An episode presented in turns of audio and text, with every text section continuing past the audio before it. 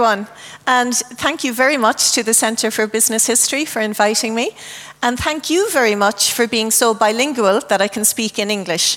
If I was going to give this presentation in Swedish, it would be very, very short, I'm afraid. So, as Anders mentioned, I'm the head of archives for Irish Distillers, a company you mightn't have heard of, but I hope you've heard of our most famous product, which is Jameson Irish Whiskey and we like to say the world's most enjoyed Irish whiskey. And when I first began working with the company, this man's image was everywhere. This is John Jameson, the founder of Jameson Irish Whiskey. And he founded it in Dublin in 1780. And when I began to work in the archive, of course, there were records relating to him and his signature.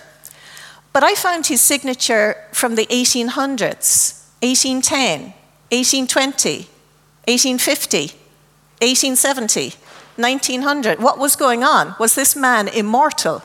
And what I realized was there were four John Jamesons in our company. But nobody knew that. Nobody working for Jameson knew that there had been four John Jamesons. And I realized very quickly that a lot of history had been lost and we weren't telling our own story. So, from very humble beginnings, the Jameson distillery back in 1780 would have fitted into this room, I would say, twice. It grew by the 1880s to be absolutely huge, and it stretched over six acres of Dublin city centre. And it was like a small town within the city of Dublin and it was entirely self sufficient. And working behind those walls, this image is from the 1880s, was a small army of craftspeople. And you can see in the image the horses and carts bringing the barrels of Jameson whiskey through the streets of Dublin. Now, those carts and wagons would have been made in house in the distillery because there were craftsmen there who could do that. There was carpenters, there was wheelwrights, there was blacksmiths, there was harness makers. There was a small army of craftspeople. It wasn't just about distillers. And we have all of that history. And I was really astonished at the global reach of Irish whiskey back at the end of uh, the 18th or the 19th century and the early 20th century. These are labels from the archive, and you can see they're being sold all over the world Australia, New York, India. These are actually territories that we're trying to get back into today. And for all the legal advocates out there, yes, these labels establish patents and copyrights. So they are very, very important. But for every high and every peak, there is a trough and there comes a low. And the story of Irish whiskey is the story of ups and downs. And by the 20th century, Irish whiskey was in a downward spiral. There was numerous external political circumstances that led to recession in Ireland, and it led to the closure of distillery after distillery. And it got to the point where, from a global industry, there were only three distilleries left open in Ireland competing with each other for the domestic market. And that was Jameson, Powers, and the Midleton Distillery in Cork. And they realized that if they stayed in competition with each other, not only would they wipe out their own companies, but they would wipe out the knowledge and the skill needed to make Irish whiskey. So they knew that something unique was going to have to happen. And in 1966, they united to form a new company, Irish Distillers. And one of the first things that they did was they amalgamated all their production facilities and they opened one new distillery, the Midleton Distillery in County Cork. So, what that meant on a practical level was there was only one place making Irish whiskey in Ireland. So, there wasn't a lot of competition for our brands. But thankfully, that has changed. And now we've seen a resurgence, thanks really to the global success again of Jameson. But distillery after distillery are opening to the point now where we have 42 active distilleries on the island of Ireland. So that's 42 different brands all competing for part of the narrative. And what sets them apart? They all say they make the best whiskey. We dispute it, but they all say that they do. They all say that they use innovation. They all say that they use craft. So, what is different? It is your history. This is the unique difference. And Jameson, although it doesn't market itself as a nostalgic drink or a heritage drink, it's very of the now and it's very contemporary. It does have an incredible history that can be drawn upon, and that's where the archive comes into play. The archive is not a luxury for our company. It is not an add on. It has an ongoing corporate function and it works to support our company and its brands. And I just wanted to go through some of the ways that we do that. Now, I know I'm talking to a room of the converted. I know I'm talking to people who know that history helps you reach your consumers. But there were just a couple of points I wanted to make. And for us, what I have found is the points here the added value that our history brings to Jameson as a premium brand cannot be underestimated. It is what distinguishes us from all our competitors. We put up our posts on social media, our competitors don't, because they don't have a history. So it's not about negatively attacking anyone else or, or, you know, disparaging a competitor.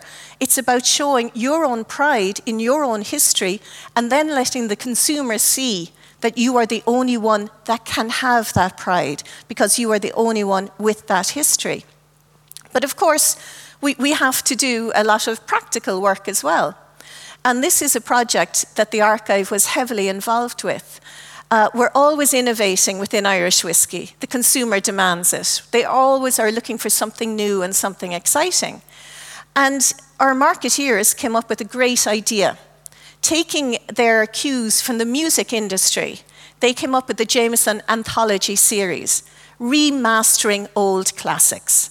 In the way you would have a classic album and you remaster it for the contemporary audience. So they came up with this great idea but did they know what our classics were? They actually didn't. And it was up to the archive to be able to share with them past expressions of Jameson that were fan favourites 30, 40, 50 years ago and were worthy now of being reimagined for today. So, first of all, the task was to actually tell the marketeers what, what had happened in the past. And then, when the distilling team came up with this new expression, the archive was mined again for the packaging. This label is a direct copy of our historic labels. And again, it's saying we have a legacy without saying we have a legacy. It is allowing the consumer to come on a journey with you and have a conversation about your, your product. Um, we also brought those conversations to food and drink journalists at the launch, able to do a better, deeper dive into our history. And again, that storytelling is something only the archive can facilitate. But what I was particularly pleased about this project to work on was that, of course, sustainability is at the heart of everything we do. And like other drinks manufacturers, we're very concerned with reducing the packaging around our products. But with a glass bottle, of course, it's fragile. It does need a certain amount of packaging.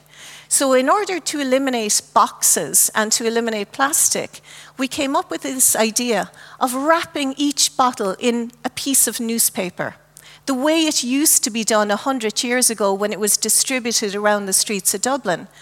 And what this newspaper was, when you unwrapped it, when you, the consumer, bought it and unwrapped it, it was a deep dive into our history. It was little snippets, it was anecdotes, it was the sort of thing our fans like to know about and they like to talk to each other about. And it was an extra gift. Some people, you know, flattened it out, framed it up. Some people uh, posted on social media. It was a wonderful way of getting our message again to our consumer, but it could only be done because we knew our history. Um, The archive is an internal resource for Irish distillers. We're not open to the public. We're, um, we are a staff of one, hello, and we can't facilitate academic inquiry. But it is used extensively um, to welcome visitors to our facility and to communicate our key messaging. Uh, the gentleman you see here, I don't expect you to recognize him. He is our former Taoiseach, uh, that's our Prime Minister, and he's here hot on the election trail, wanting to be re elected. And politicians all across Europe are very reluctant to be photographed with alcoholic products. And certainly in Ireland, they've signed a charter that they won't be photographed with alcoholic products. But they will be photographed with historical artifacts. So it's a way for our company to engage with the government, with the people who make our laws, on what you would call a neutral and neutral ground. So the archive is extensively used for key messaging. Um, the records, although as I mentioned, we are an internal resource, uh, we do have information of wider appeal, including genealogical records. And we have a series of wage books, the records of all the individuals who over a hundred years made our whiskey. And they are a rich source for genealogical information. So we partnered with the global um, platform Ancestry.com to digitize all these records so they're searchable for anywhere in the world. Now, this was a project that stood alone and was the correct thing to do because these are important records, but also for our company. It was a way of getting coverage and reaching media who don't normally run stories about alcoholic products. And the middle image you see there, it's from a website called irishcentral.com. And it is set up specifically to appeal to the Irish diaspora all over the world. It has a readership of 100 million.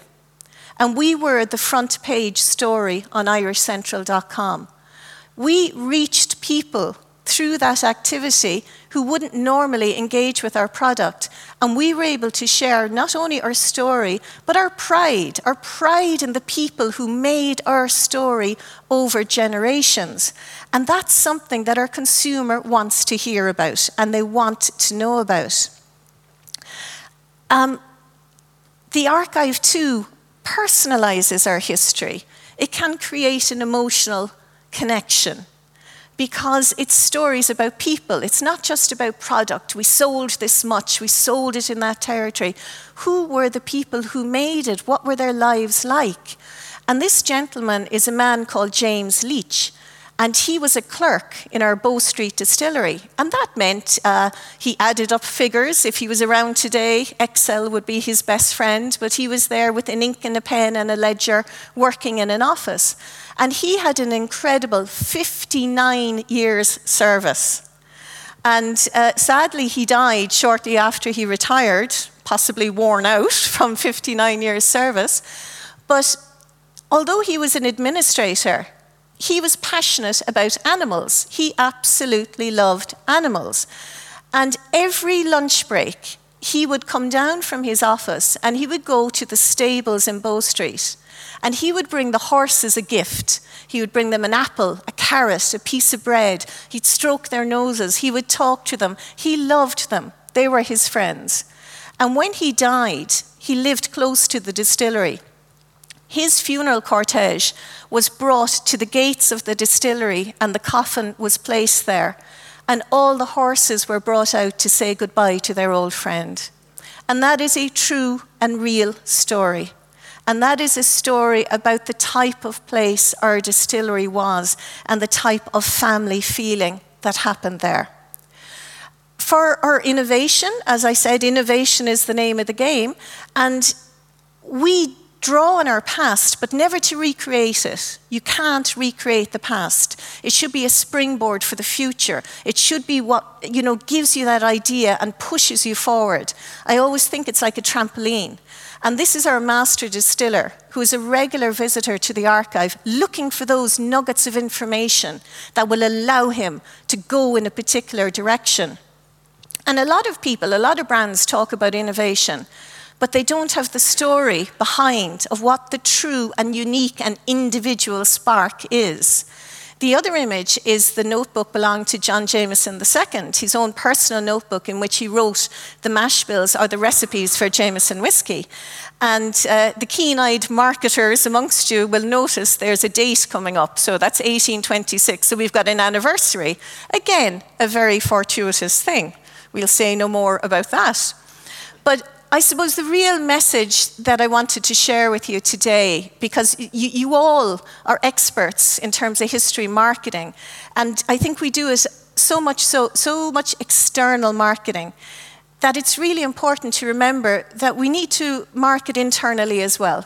We need to explain our company and our company values to our colleagues. And personal stories of employees resonate with current employees.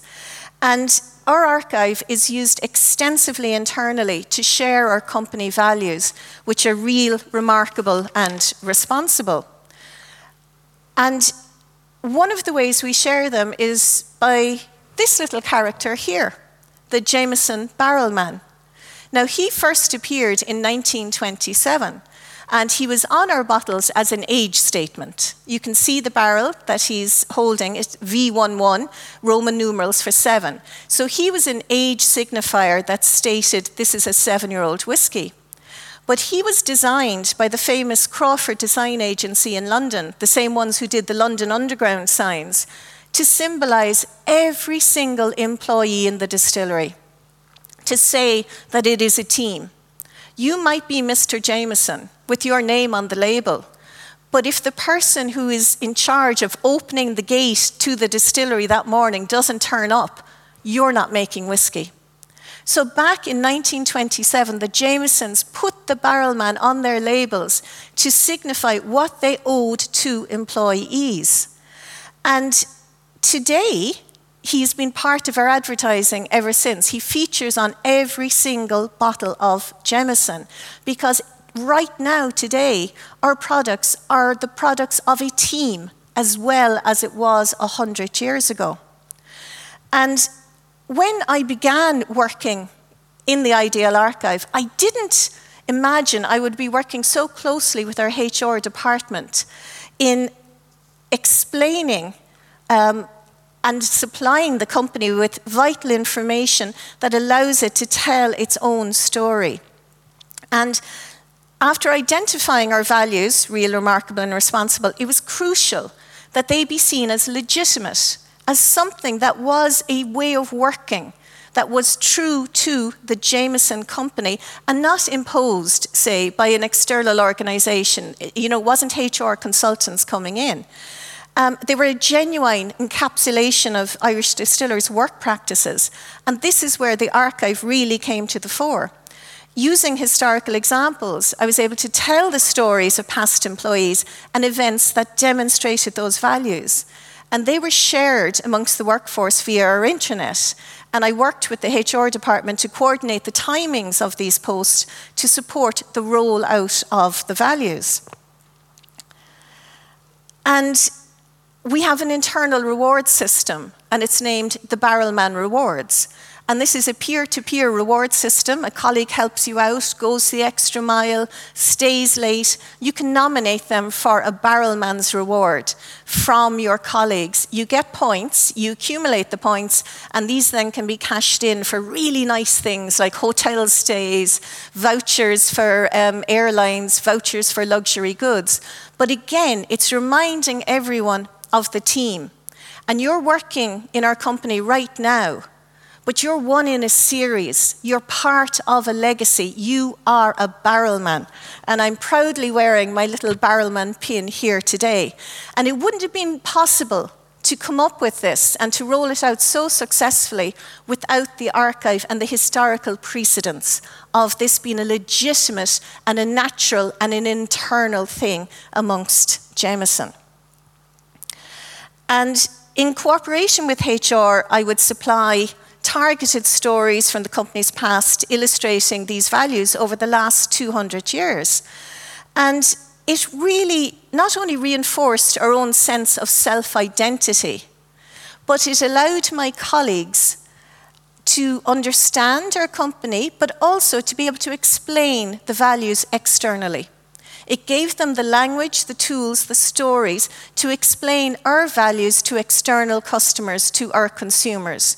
And that's what consumers want to know. They want to know what sort of company is producing their favourite brands. What does it stand for? What are its values? Our research is showing this more and more. This is what the consumers want. Not only to know you make the world's most enjoyed Irish whiskey, but who are you?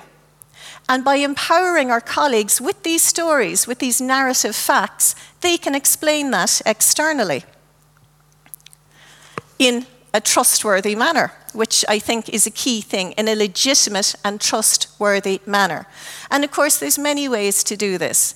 And like a lot of companies, we've embraced uh, the digital media, and we, of course, have a podcast. And if anyone is interested in doing a deeper dive into the history of Irish whiskey, as told by the people who made it, then this is a wonderful podcast that I would recommend to you.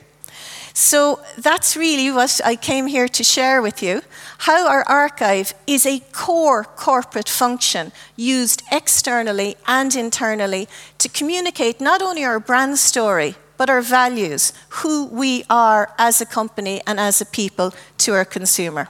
Thank you very much.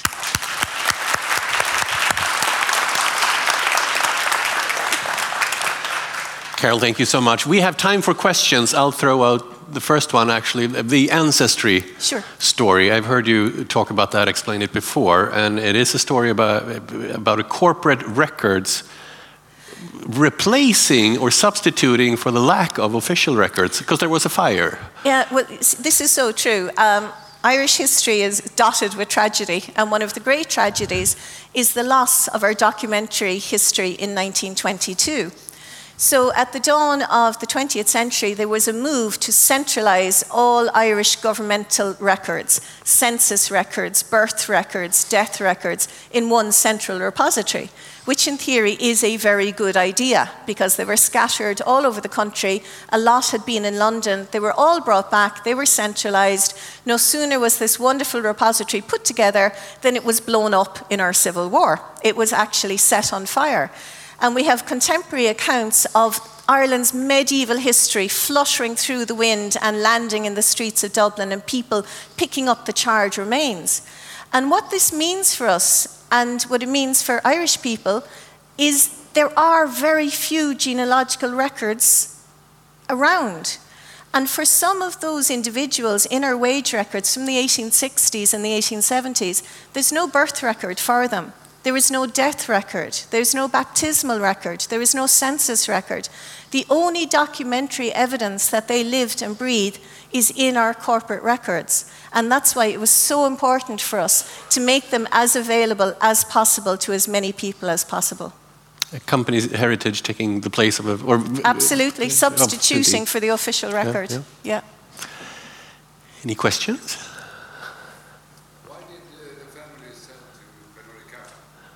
Wouldn't you, if they offered you a big check?